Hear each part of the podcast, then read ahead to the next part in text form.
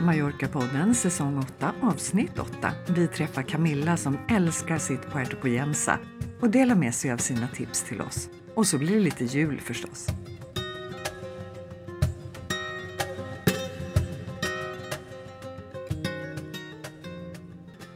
Hej Gina, nu är det dags för podd igen. Hallå Ulf! Ja, jätteroligt! Ja, och jag sitter i Sverige nu.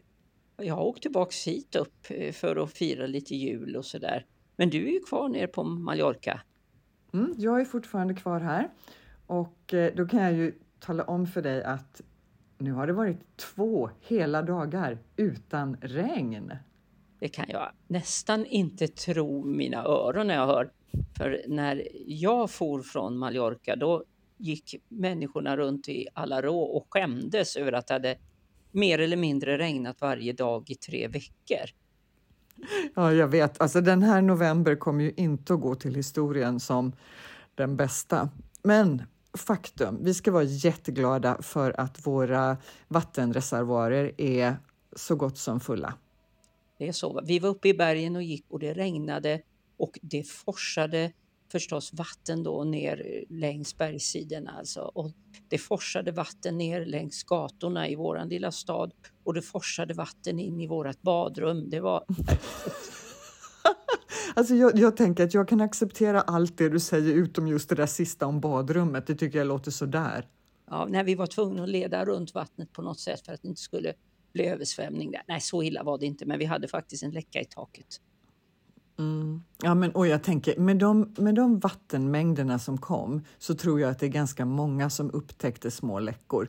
Även vi, fast vi hade vårt bara uppe på taket, så det ja. kom aldrig ner i huset. Men eh, alltså, med dem, och den vindstyrkan, alltså det bara piskade ju på vatten. Men nu har eh, regnet gett med sig och temperaturen har stigit lite också. Idag det är tisdag när vi spelar in här och idag så var jag ute och eh, strosade på stan iklädd bara en kofta.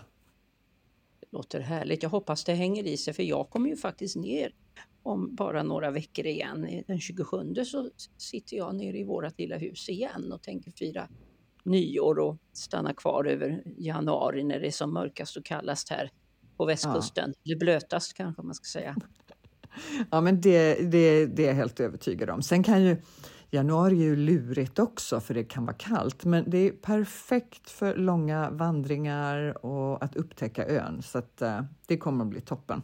Förra avsnittet så pratade ju Helena och jag om julen på Mallorca och vi gav en massa olika tips och så la vi dessutom upp på vår hemsida så skrev jag en blogg som bara handlar om jultipsen där jag sammanfattar dem, för det är lite svårt att hänga med när man lyssnar i podden.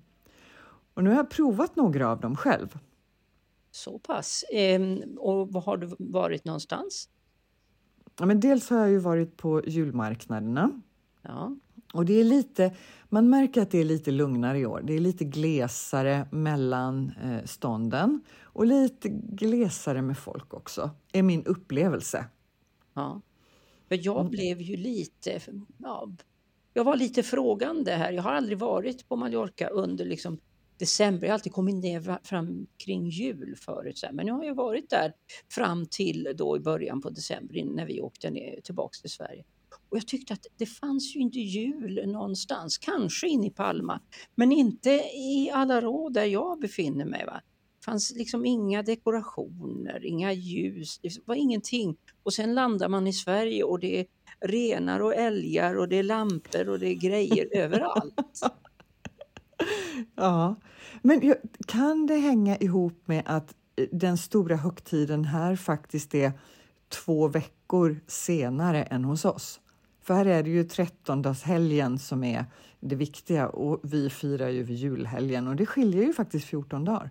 Ja, jag tycker ju de gånger jag har varit nere just julafton till exempel, den är ju väldigt, ska man säga, mm, lugn högtid här känns det som, alltså i, i Alarå. Men som sagt, det som du nämnde här kring den, det är väl den 5 januari va, som man firar stort. Ja, och då tänker jag det är ju faktiskt senare så därför kommer det igång senare. Men nu kan jag lova dig, nu är det full julstämning. In i Palma i alla fall. Ja, det, det är fantastiskt fint. Ja. Så förutom att gå på julmarknader så har jag faktiskt varit och tittat på en av krubborna som vi pratade om. Ja, just det. Var var Mm. det någonstans? Ja, men jag var på den i Rådhuset på Ja. Plaza Kort Okej. och den är, alltså, den är så fin. Det är, jag var med en väninna och vi var helt överens om att det här med att bygga små miniatyrbyar, det skulle vi gärna pyssla med. Sen är det kanske ingenting man vill ha hemma i vardagsrummet direkt, men den är jättevacker och det är, ja men du vet, det, det är ju stallet och det är herdarna och det är människor som arbetar i olika små kvarter som man har byggt upp. Och sen är den byggd, om vi säger att den är kanske ungefär två gånger två eller ja, två gånger två meter. Och då är den byggd med perspektiv. Så det är tre olika storlekar på gubbarna och husen. De som är längst fram är ju större och sen lite mittemellan och så längst bak är de pyttesmå. Så att man ser verkligen djupet. Och sen går man förbi och tittar på det här alltså? Ja, men det tycker jag absolut att man ska. Och massa små detaljer. Man kan stå där och titta jättelänge. Ja. Riktigt eh, bra. Det är inte bara för barn utan eh, jag skulle vilja säga att när vi var där var de flesta vuxna. Det är alltså som våra modelljärnvägar ungefär, alltså något liknande. Det var precis det vi började prata om när vi stod Ja, där. ja. Men vad gjorde du på marknaden då? Köpte du någonting på marknaden? Nej, jag har inte handlat någonting. Men, eh, ja, men bara du vet strosa runt och titta på alla fina små figurer till krubborna och dekorationer och eh, presenter. Jag är, jag är ingen stor shoppare. Jag Nej. tycker om att titta. Vi åker ju hem på, på lördag. Eh, Så då har vi börjat handla lite grejer vi ska ha med oss hem. Så idag var vi hos nunnorna i eh, Santa Clara kloster och köpte choklad. Okej, ja det förstås. Mat kan man ju alltid ta med sig hem. Jag hade med mig ett gäng, gäng med de här, eh, vad heter det, sobrasadam, va? Den här smaksättningskorven förstås. Och Ja, tänker ge bort i, i julklapp till folk. va. Det är lite roligt att få en sådan. Ja, men det är precis som vi gör också. Vi kör eh, den här chokladen då som är fantastiskt god och så brukar vi köpa lite skinka och ost och när man gör det på saluhallen så vakuumpackar de ju gärna. Så det är ju inga problem att ha med sig. Mm. Kan- Vi kan ju sitta och prata om hur mysigt det är i Palma hur länge som helst, men vi har ju faktiskt ett annat inslag idag.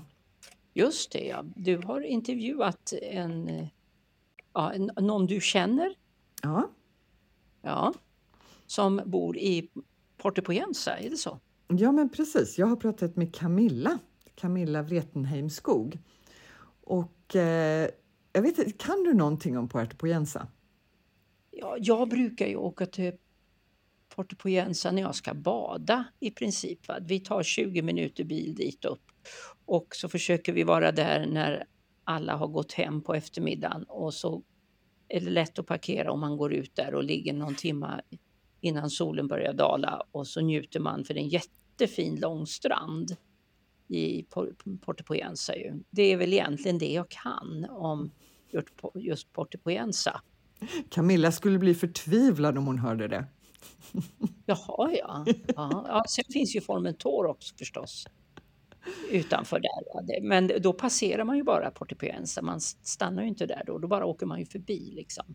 Ja. Och jag hade nog inställningen att alltså Puerto Poyensa är lite av en turistort som bara lever på sommaren. Men eh, alltså jag fick eh, bita mig i svansen. Det var så alltså. Mm. Ja, för den bilden hade nog jag också. Att jaha, ja, där, de som bor i den delen utav, på den delen utav ön, de bor i Poyensa, tänker jag då. Va? Och inte i Porto Poyensa, där är det bara eh, igenslagna fönster då när man kommer upp under vintern. Men eh, det finns alltså delar som lever året runt. Ska vi ta och lyssna på vad hon har att säga? Jättespännande.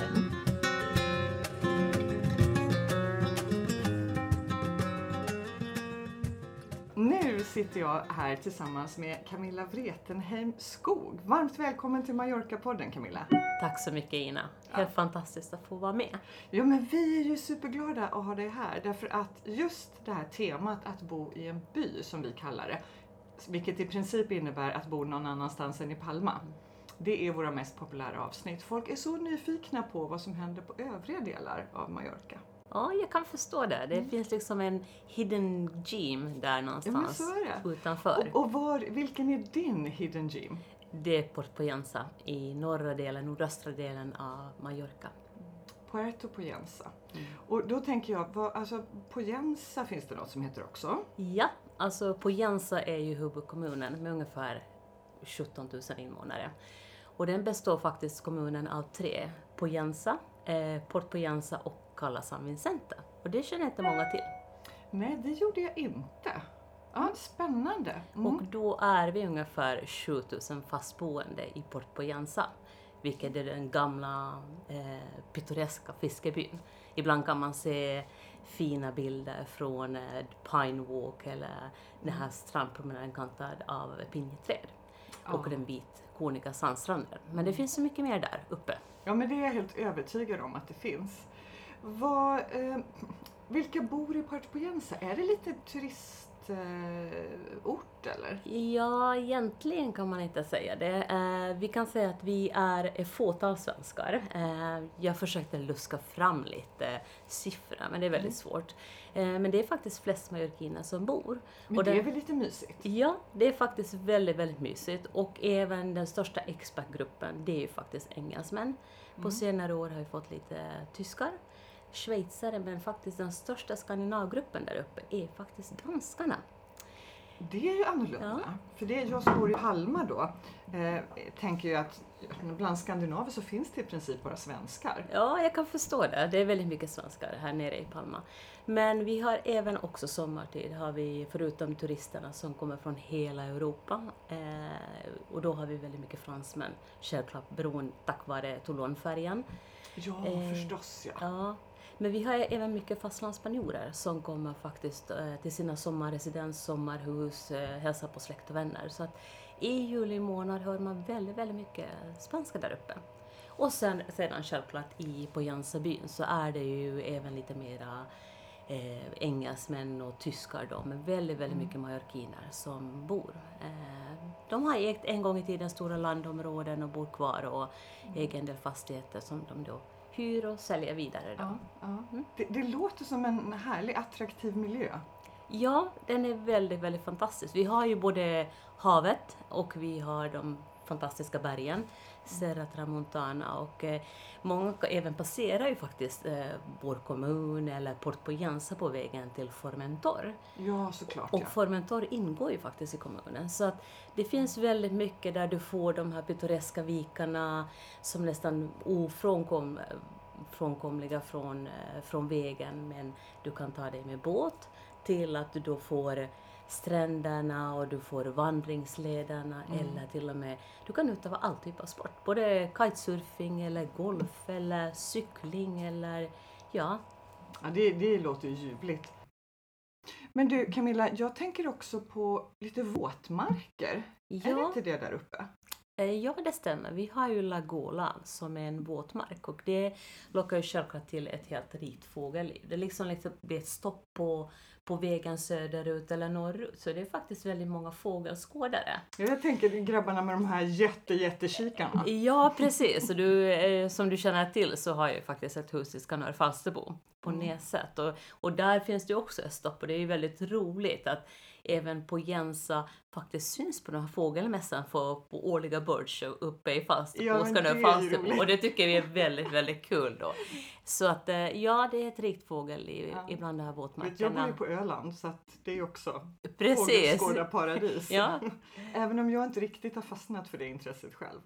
Nej, jag, jag, förstår, det är lite så här nördigt. Men jag har en väldigt god vän faktiskt som håller på med det. Men vi har lite våtmarker runt omkring mm. och det är också lockat till sig och också skapat den här naturupplevelsen där många som är vandringssugna faktiskt liksom attraheras av naturen. Mm. Att den är mm. väldigt mångfacetterad. Ja, härligt. Men du, eh, om man då inte direkt gillar att skåda fåglar, Mm. vad pysslar man med eh, annars i eh, Puerto Poyensa? Ja, alltså det finns ju en hel del eh, aktiviteter som jag nämnde och det är framförallt, vi har ju många cyklister. Det, någonstans var vi en gång i tiden den, den här pittoreska fiskebyn som också fick många de första turisterna till ön där man kom. Det var väldigt mycket konstnärer som du kanske känner till Mm. som, som faktiskt fann sin inspiration i när de satt uppe i Fortaleza och så liksom hela bukten och inspirerades av måla. Det, det var redan Ja. faktiskt på 1920-1930-talet. Och sedan var ju det musiker som Philip Newman var där och Winston Churchill laddade sina batterier. Men, men även faktiskt Agatha Christie har faktiskt skrivit en bok som baserar sig just på runt eh, händelserna och mm, då baserar sig runt Pine Walk. Så att det är många som har hittat sin inspiration och jag tror fortfarande idag kan man eh, hitta inspiration både på många företagare men framförallt runt att man vandrar och finner ett lugn. Mm. Eh, eller att man seglar, eh, man kitesurfar och allt det här finns ju väldigt nära. Och sen har vi självklart cyklisterna som jag börjar med. att Det finns ju den här Ruta 312 som körs nu 24 Just det. oktober. Mm. Och det är ju en så här liten, eh, lite som eh, vad heter det, Vätternrundan om man kanske Mm. skulle vilja köra men i mallorquinska mått och attraherar väldigt, väldigt mycket cyklister från runt om i Europa och världen faktiskt till Mallorca. Ja. Men det är ju en, en, eh, en plats på Mallorca som ibland blir lite bortglömd i vardagslag men som har otroligt mycket att erbjuda. Ja, och jag tror faktiskt att det är kanske just det här att man tycker, många tror att man ligger lite längre bort. Mm. Att det tar ju faktiskt en 40 minuter från flygplatsen, 50 minuter i dessa tider nu när trafiken och covid liksom Mm. har, har, har liksom blivit nästan minne blott. Men eh, vi ligger väldigt nära Palma och tack vare just den här känslan tror jag att också att man får behålla den här småstadscharmen eh, i både byn och i Poyensa. Att man besöker över dagen men, Mm. och förälskar sig i byn precis som jag gjorde för eh, ja, det, Eh, jag tror att det är 30 år sedan jag jobbade som reseledare på ön. Ehm, så jag tror att det är också en del av att vi faktiskt eh, lyckas behålla skärmen. Att man, de entreprenörerna som är där och finns ett lugn Mm.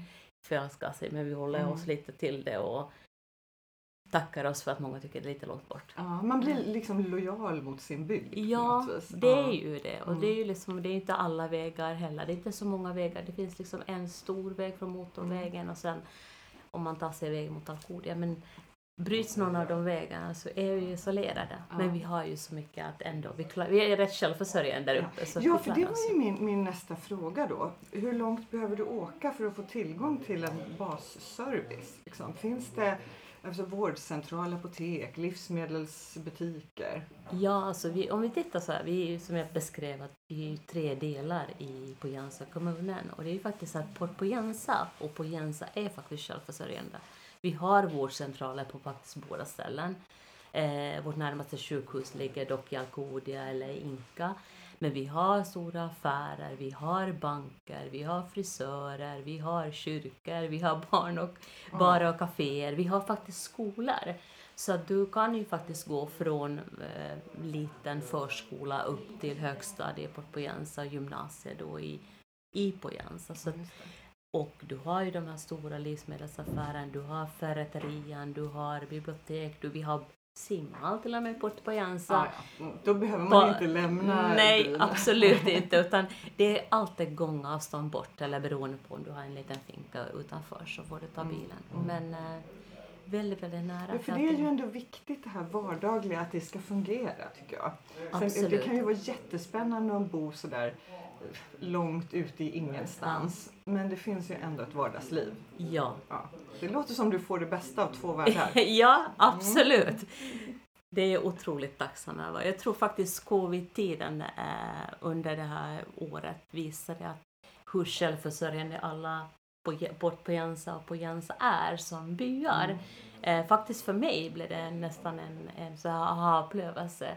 Man träffar mer människor på strandpromenaden, alla var ute och gick med sina hundar. Mm. Eh, Mallorquina är väldigt öppna och, och tacksamma och otroligt tacksamma för att när man lär sig språket. Mm. Oavsett om jag inte pratar mallorquin men förstår en hel del idag så jag, blir man alltid vänligt bemött och det är ju faktiskt lite så i de här små byarna att mm. när du går till banken så möts du först med mallorquin och sen mm. byter man om till castellano. Mm. Så att den här identiteten, mallorquinska identiteten för polensianerna är även otroligt stark.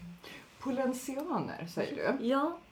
Är det så man benämner de som eh, bor i Poyensa? Ja, det är liksom, ja, det är faktiskt, eh, man brukar kalla mig, de är mallorquiner och sen är de ännu mer den här starka lilla communityn där. Vi har ju en egen flagga och jag tror faktiskt det kommer basera sig på det här slaget mellan de kristna och morerna. Just det. Ja, och du kanske har hört ah, om, om, om mm. det här slaget och det utspelas fortfarande live.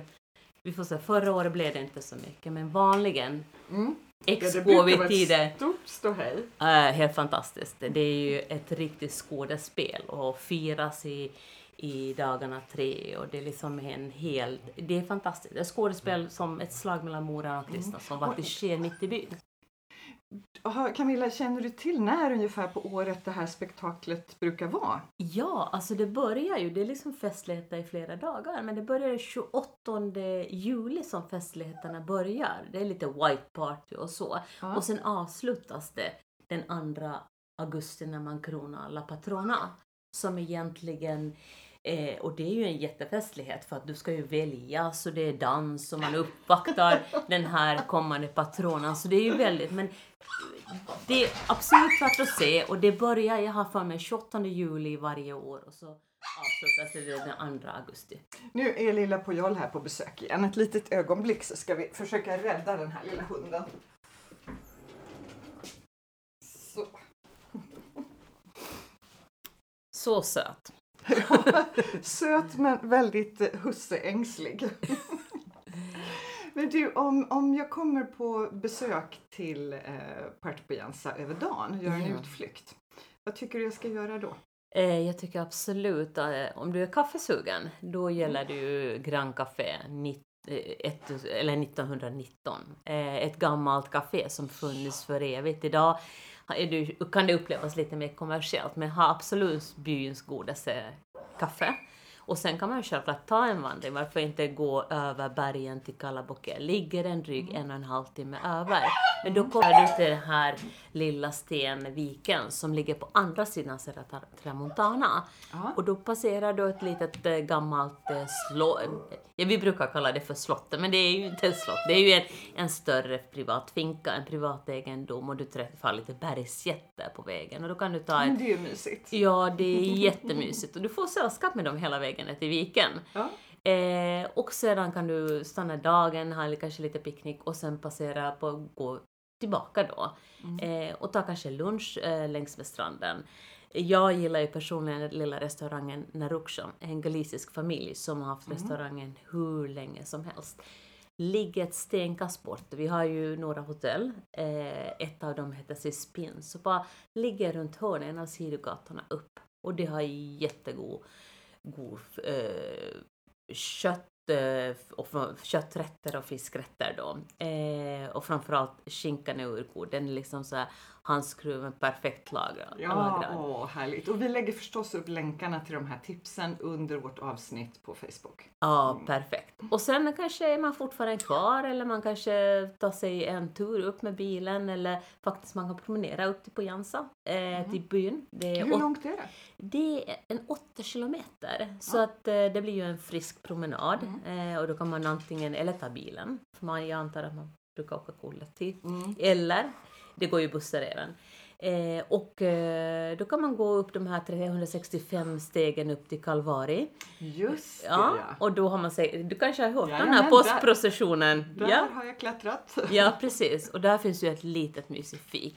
Mm. Eller sen kan man gå upp till Puy Maria som är berget som ligger utan, strax utanför byn.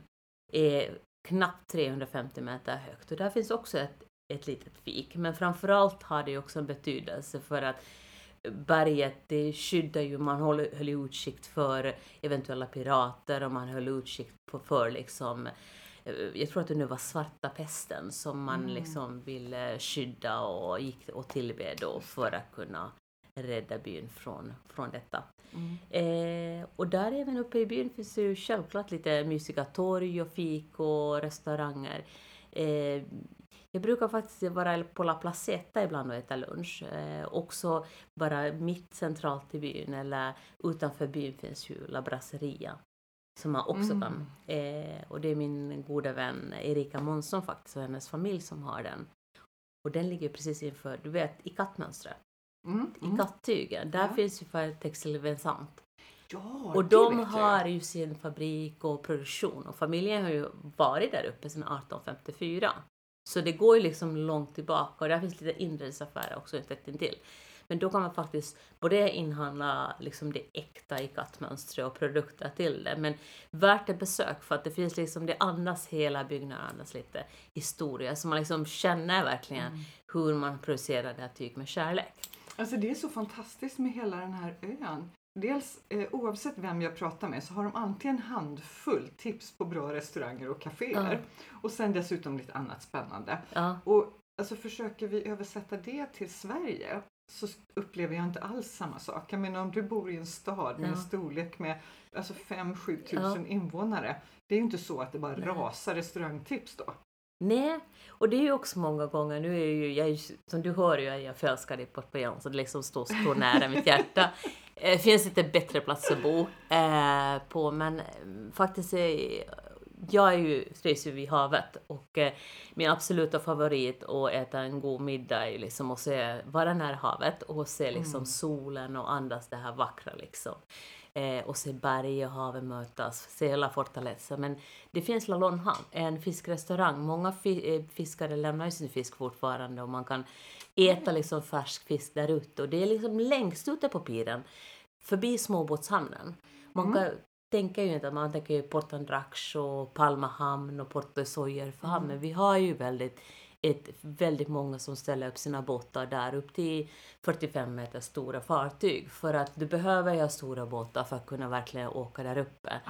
Det. Eh, och där längst ute på piren så lilla, ligger La Lonja. Eh, så att eh, det är mitt starkaste tips med färsk fisk och fantastisk utsikt och trevlig miljö. Alltså, det, det är så roligt med de här avsnitten därför att många vi pratar med är ju så förälskade i sin egen Ja. lilla bygd. Ja. Eh, Så nu har jag en lång lista på, som jag måste checka av den här vintern på ställen som jag ska åka till och saker jag ska göra. Och det här känns ju verkligen som ett av de absolut prioriterade. ja, vad roligt! Riktigt Du är så välkommen! Ja. Hur länge har du bott där? Alltså vi, eh, vi, vi har bott i åtta år. Mhm. Eh, De två senaste, min dotter går ju gymnasiet på Svenska skolan sedan två år tillbaka. Och, så att vi är ju runt om mer på ön. För hon har ju med sin häst som står uppstallad i Esporlas. Men sen åtta år tillbaka, men min historia går tillbaka till 1990 när jag jobbade som reseledare för Spis Reiser Ja. uppe i Alcudia och då blev det liksom ett tillhåll när man, jag ville vara lite anonym från Mm. alla mina kära gäster och liksom människor, människor som kände mig i Alcudia liksom. Då tog jag bilen eller bussen eller någon kompis som körde mig till Port Poyanza. Och där är liksom, det var liksom fanns här drömmen att kunna ända bo där. Ja. Och sen år 2000 så började jag och min familj börja besöka, vi var mest de här obekväma tiderna i november och en blåsig jul eller För det kan blåsa ordentligt från havet. Jajamensan, vi har ju verkligen, vi ligger så här alerta naranja väldigt, väldigt ofta. Eh, så att eh, där börjar min resa och jag är så otroligt tacksam att vi eh, var tillbaka och gav aldrig upp och sen 2013 så signade vi på vårt eh, penthouse så att vi är otroligt nöjda Ja, vad Och glada. och trivs så bra. Underbart! Du Camilla, eh, tusen tack för att du ville dela med dig av dina små hemliga tips och din kärlek till Puerto. Tack så mycket, tack för att du var med.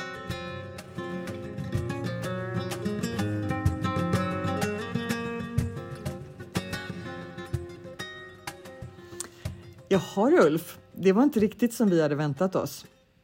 Nej, precis. Där får man skämmas lite grann för sin...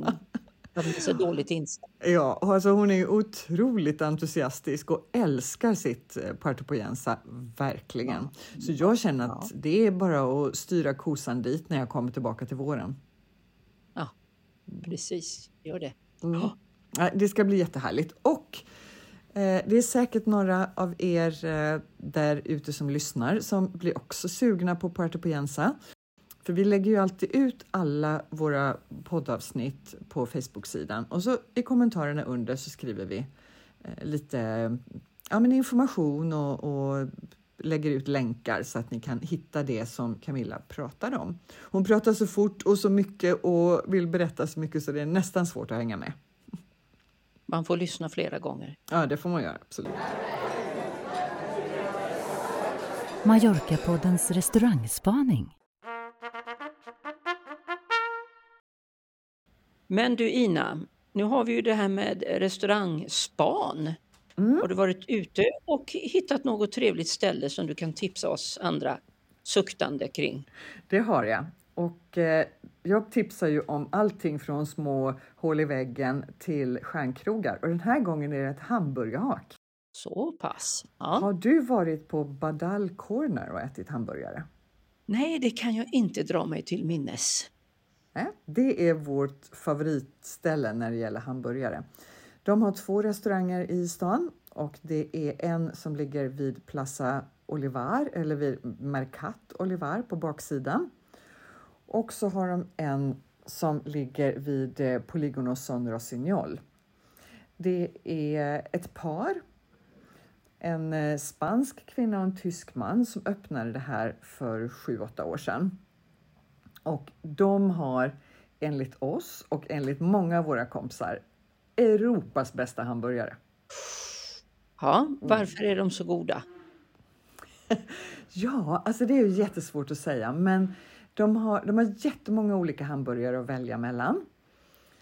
Och du beställer genom att kryssa i på ett papper liksom vad du vill ha. Så du bygger din egen hamburgare. Vad du vill ha för bröd, vad du vill ha för kött eller vegetariskt alternativ. Eh, hur den ska vara grillad. Vilka tillbehör du ska ha. Eh, och på din hamburgare. Och om du ska ha vilka såser, coleslaw, sötpotatis, pommes. Ja, men det är, alltså, de är bara väldigt goda. Du, innan nu när du säger det, jag har ju faktiskt varit med dig och ätit där. Men inte mindes jag vad det hette. Jag var ju så Nej. uppslukad utav maten. Men jag minns det där att man skulle kryssa i någonting. Och ja. Ja. det var ju fantastiskt, minns jag. Ja, eller hur? Så det kan vi verkligen tipsa om. Eh, burgarna ligger runt eh, 10 euro stycket, plus minus några euro. Och som sagt var, sötpotatistillbehören är fantastiska. Eh, det går alldeles utmärkt att köpa takeaway och de har också så att du kan gå in på deras hemsida och boka för hemleverans. De levererar till hela centrala Palma. Jag minns att det var väldigt trevlig personal också. Mm, det är de verkligen. Och för er som har speciella önskemål eller kanske allergier och liknande så är de superduktiga på att tillgodose det och de har även vegetariskt och veganskt.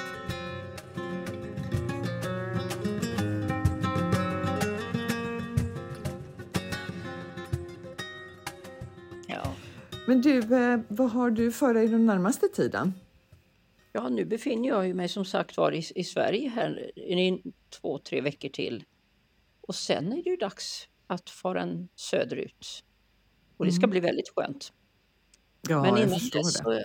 är det ju skotta snö som gäller, för det har ju varit rätt mycket vinter där i Sverige. Alltså, även om vi har kallt här stundtals så skotta snö, det är ju inget man håller på med helt enkelt. Har du haft snö någon gång i mm, Palma? Ja, ja faktiskt. Men eh, det är ju, alltså det har ju inte legat kvar några timmar. Men jag ska på, på fredag, ja det är ju samma dag som det här avsnittet släpps, då ska jag faktiskt gå och titta på fotboll. Jaha, så pass? Ja, Ja, det är första gången på väldigt länge som jag ska gå och titta på när eh, Mallorca spelar. Så det du ska är bli roligt. lite entusiast, va? Är du inte det? Ja, men jag är inte entusiast, men jag följer i alla fall. Och jag tycker det ska bli riktigt roligt att gå och titta. Tyvärr så står det att det ska blåsa typ 20 sekundmeter. Aj då. Ja, men eh, ja, jag tror det kommer att gå bra. Jag ska ta på mig mycket kläder och halsduk och heja ordentligt. Ja, ja. och sen hade jag ju hoppats att jag skulle kunna gå och se Lucian eh, i katedralen, men vi åker ju hem på lördag och det är ju på måndag den 13. Just det. Ja. Men man får samlas och så där i, mm, i Palma nu till stora, större samlingar och så där och det finns inga begränsningar. Nej, men du måste ju visa upp ditt eh, covidpass, att du har eh, vaccinerat dig.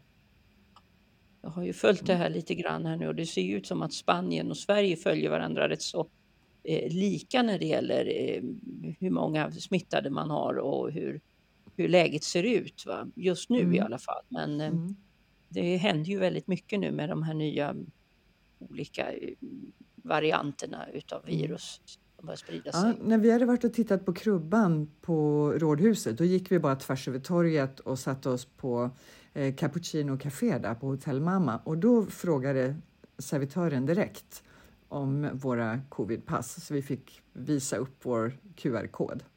Ja, ja. Och sen är det munskydd som gäller förstås eh, Ja, på, är det affärer och fortfarande. bussar och så där vidare.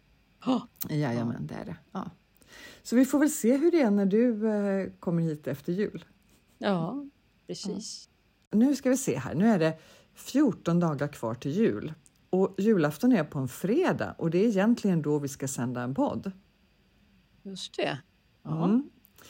Jag tänker så här att vi kanske bjuder på en liten livesändning, men eh, vi får se. Jag tror nog att vi kommer att höra av oss på något sätt i alla fall till våra För lyssnare. då är du hemma i Småland och jag är faktiskt i Skåne då. Ja, just det. Mm. Ja. Men vi kan ju skicka julhälsning därifrån. Eller Det hur? borde väl gå rätt så bra det också. Ja. Ja.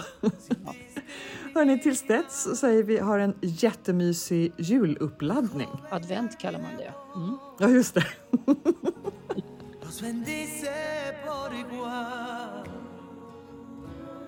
Feliz Navidad, feliz año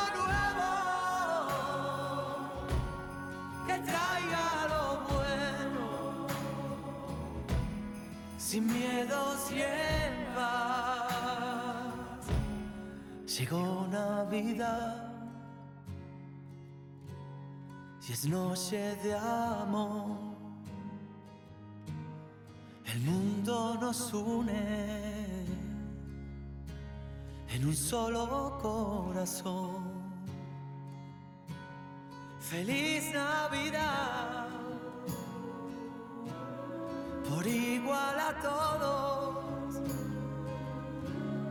no importan colores vivamos en paz. Feliz Navidad, feliz año nuevo, que traiga lo bueno, sin miedos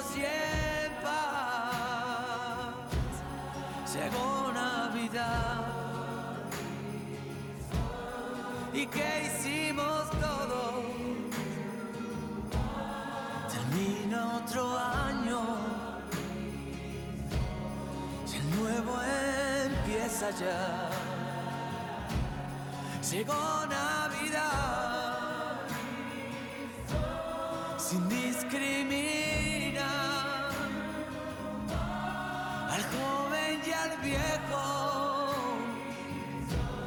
los bendice por igual.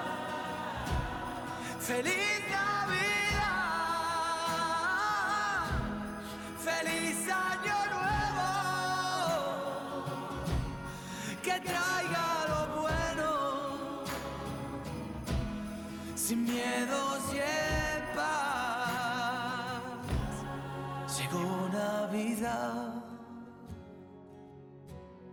sin discriminar.